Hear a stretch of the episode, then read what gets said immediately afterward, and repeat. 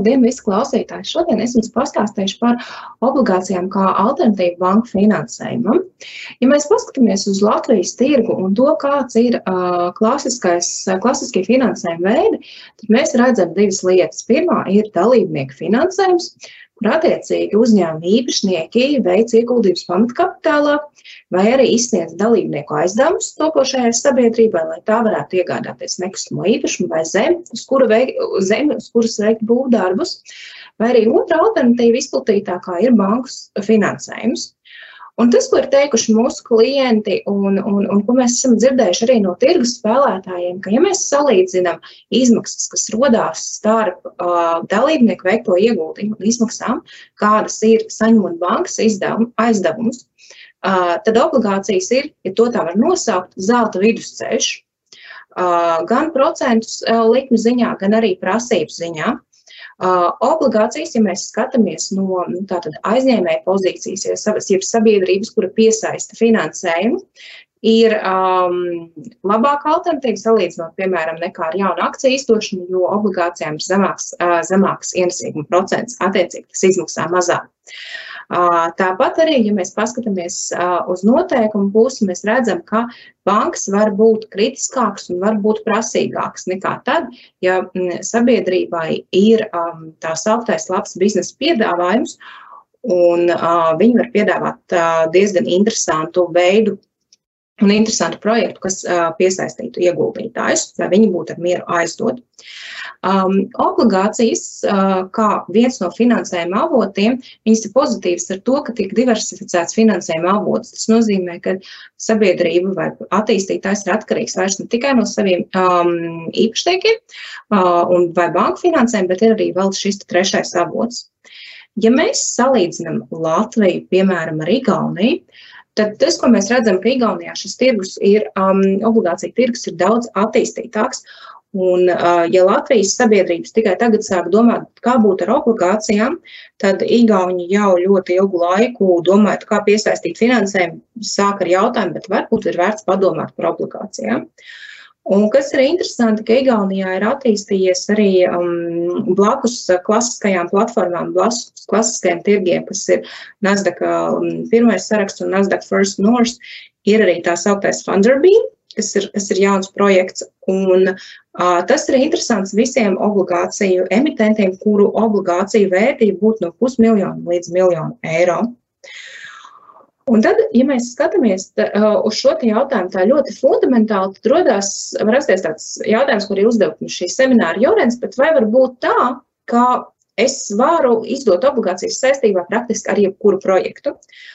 Un šeit es gribētu teikt, ka jā, bet tas, ko ir vērts atcerēties, ka jūs dosieties tirgu un jūs uzrunāsiet potenciālos ieguldītājus, jeb investors. Un investoram ir, ir jāredz šis tās angliski sauktais biznesa case, ja biznesa darījums.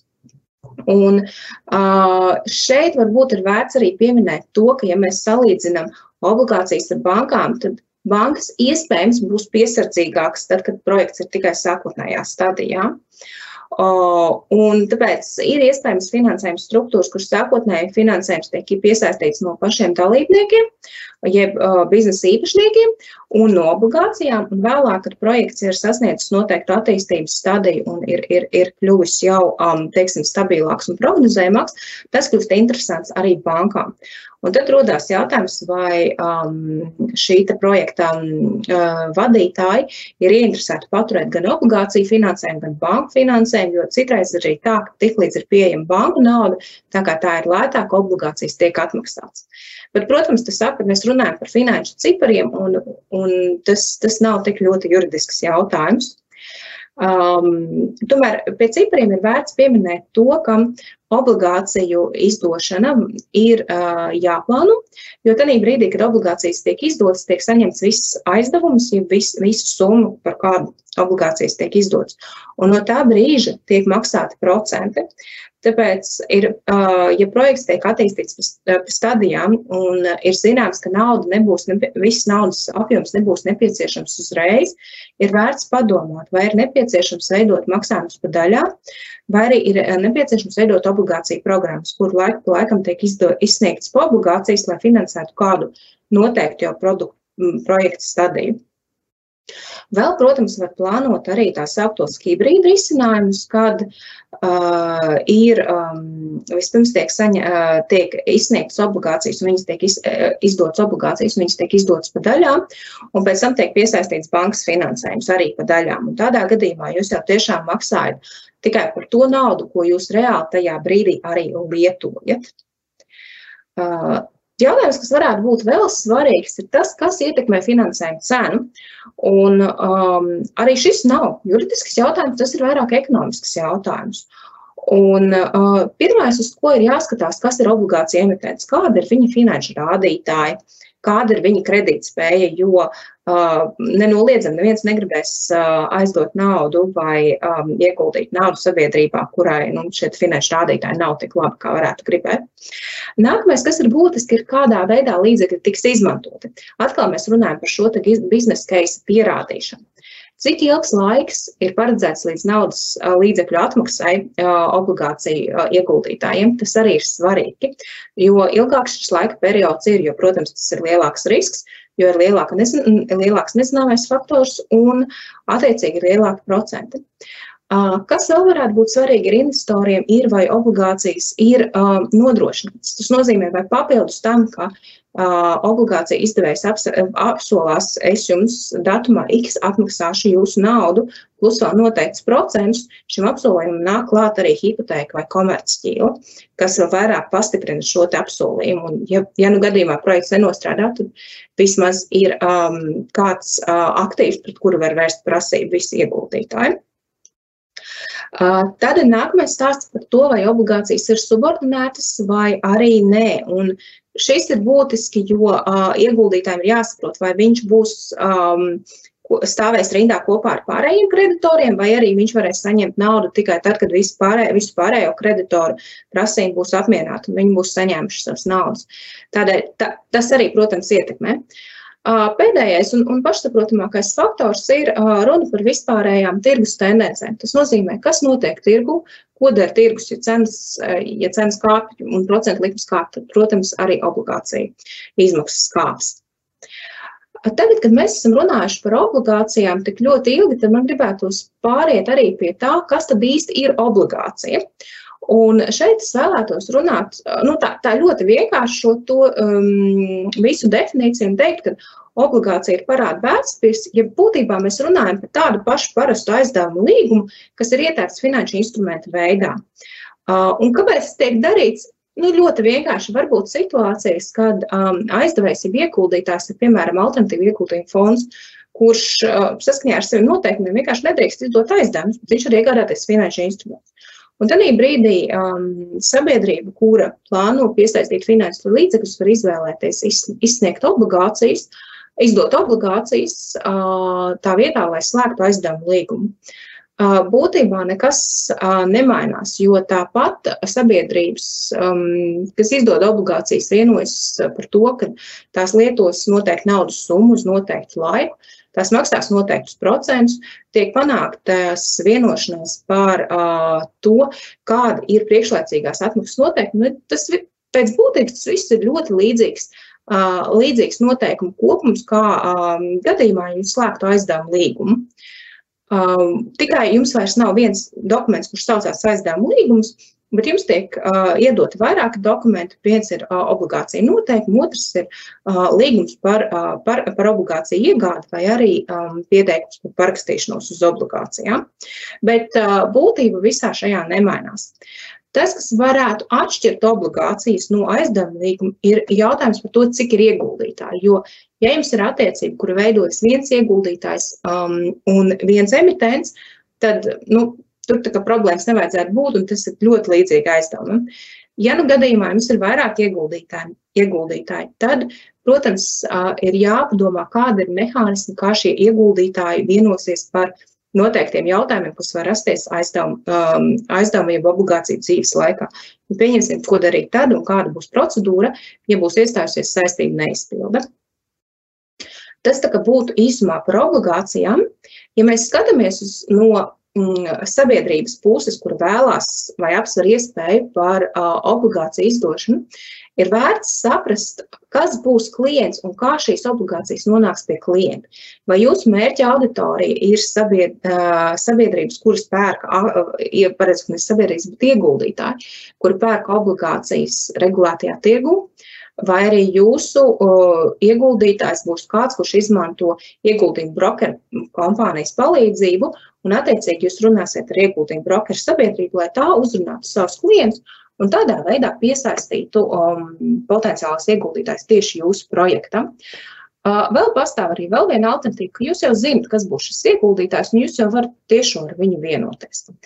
Uh, tādēļ atkarībā no tā, kurš no šiem modeļiem ir jūsu ceļš, um, varbūt nepieciešamība veidot uh, un pielāgot uh, dokumentus un um, visu pārējo struktūru. Vēl viena lieta, par ko es vēlējos šodien parunāt, ir um, bubulis, kurš sauc par prospektu. Un kāpēc es lietoju šo vārdu bubulis? Jo uh, eksistē noteikumi, kas paredz, ka situācijā, kad tiek publiski piedāvātas obligācijas, ir jāsagatavo tā sauktais uh, prospekts. Un kāpēc tas ir tik briesmīgi? Nu, ieskatam uh, varu paskaidrot, ka mēs runājam par dokumentu, kurš ir 100 līdz 150 lapas puses garš. Uh, tas ir dokuments, kuram ir jāsatur detalizēta risku, detalizēts risku apraksts, kas rada diezgan lielu stresu parastam uh, lasītājiem, kurš nav ar šādiem dokumentiem saskāries. Papildus um, zināma, um, zinām rūpība un pietiekami liela rūpība ir jāiegulda arī sastādītājiem, jo viņiem ir jānodrošina, ka šis prospekts ir patiess. Un visbeidzot, prospekts ir jāsaskaņo ar FKTK, kas viennozīmīgi ir laika un resursu patēriņš. Tādēļ mm, process paliek tāds mazliet, smag, nu, nevis mazliet, bet diezgan smagnējs. No šī um, bubuļa, jeb no ne, ne, prospekta rakstīšanas var izvairīties tad, ja obligācijas tiek piedāvātas kvalificētajiem ieguldītājiem, jeb citiem vārdiem sakot, uh, sabiedrībām, kurām ir uh, noteiktas licences, kā bankām, apdrošinātājiem, ieguldījumu fondiem. Uh, ja uh, obligācijas tiek piedāvātas ne vairāk kā 150 ieguldītājiem, arī tad var izvairīties no prospekts um, gatavošanas. Uh, ja viens, uh, viens vienības nomināla vērtība ir vismaz 100 tūkstoši, vai arī minimālais ieguldījums ir 100 tūkstoši, tas arī ir viens no variantiem, kad var izvairīties. Tas, ko vēl ir vērts atcerēties, ir Latvijas um, likuma īpatnība, ka gadījumos, ja obligācija vērtība ir no 1 līdz 8 miljoniem, prospekts nav nepieciešams, bet ir jāsagatavo FKTK prasībām atbilstošs piedāvājuma dokuments. Tas ir vienkāršāk, tas nav tik sarežģīti, bet vienalga tas prasa zināmu resursu. Lai gūtu vispārīgu priekšstatu par obligācijām, ir vērts parunāt arī par dažādiem obligāciju veidiem. Kā jau es minēju, obligācijas var iedalīt nodrošinātajās un nenodrošinātajās.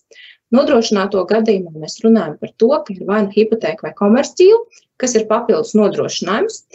Un šeit ir ļoti svarīgi domāt par to, kas, cik daudz būs investoru un kāda būs šī investoru struktūra, jo tas var radīt nu, ja to var nosaukt par papildus jautājumu, kā tiks, iz, kurš tad būs šis ķīlas ņēmējs, un, tas, un praksa liecina, ka var tikt izmantotas tās sauktās nodrošinājuma aģentu struktūras, kad uh, trešā persona, kur ir uzticama ar labu reputāciju, teiksim, advokātu birojas vai auditoru kompāniju, tur šos te, uh, šīs te komerciālas un hipotēkas par labu uh, obligāciju īpašniekiem, un tādā brīdī, kad kaut kas um, notiek ne tā, kā tam vajadzētu notikt, tad tieši šis nodrošinājuma aģents ir tas, kas aizstāv šo obligāciju īpašnieku tiesības.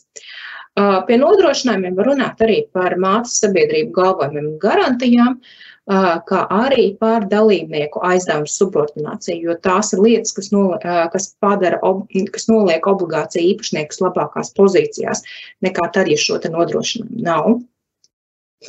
Obligācijas var dalīt arī subordinētajās un nesubordinētajās, atkarībā no tā, kurā brīdī jūs kā kreditors varēsiet saņemt savu naudu, vai jums ir jāgaida, vai jūs varēsiet stāvēt un prasīt naudu kopā ar pārējiem, vai arī jums ir jāgaida, kamēr visiem ir samaksāts. Un tikai tad um, rindas kārtībā saņemsiet kaut ko.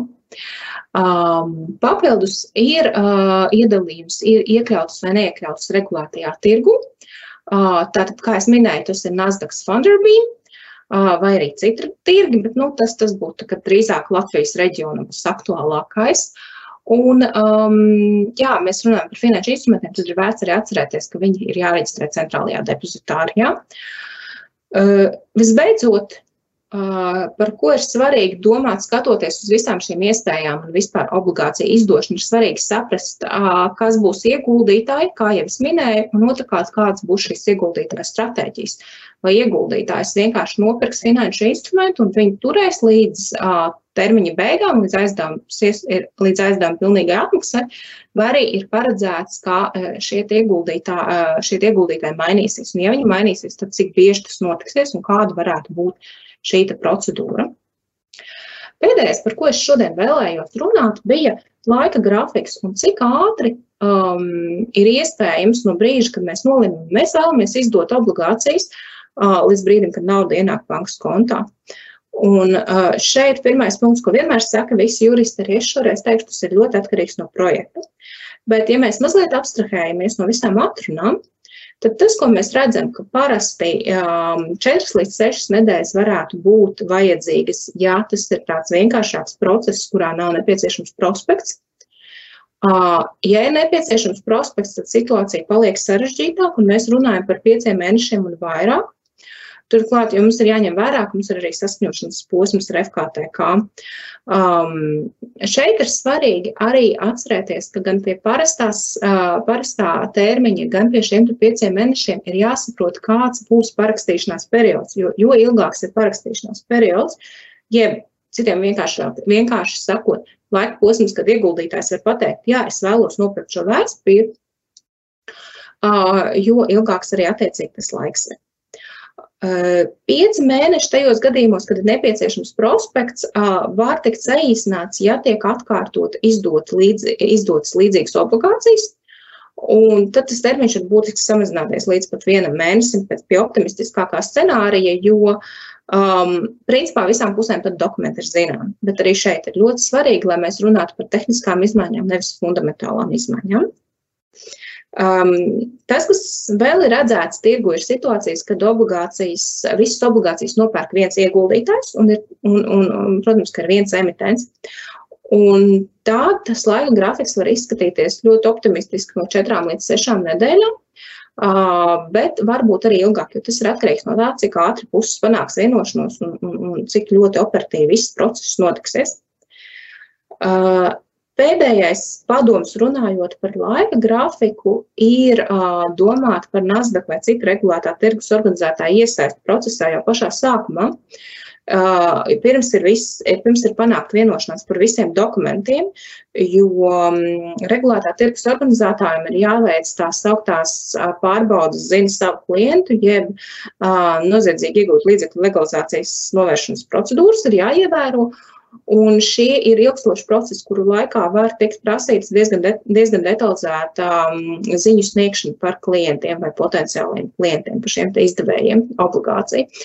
Tādēļ ir vērts šo procesu uzsākt vienlaicīgi ar pārunām par obligāciju izdošanu, lai nodrošinātu, ka tajā brīdī, kad puses ir vienojušās par dokumentiem, viss ir uh, skaidrs un, un, un vairāk nav jāsāk um, ļoti komplicētas un ilgstošas AML procedūras un jāgaida, kamēr um, regulārā tirgus organizētājs dod zaļo gaismu. Tas īsumā bija viss, ko es šodien vēlējos jums pastāstīt par obligācijām, sniedzot tādu um, īsu ieskatu. Ja rodās kādi papildus jautājumi, labprāt atbildēsim uh, Q&A čatā.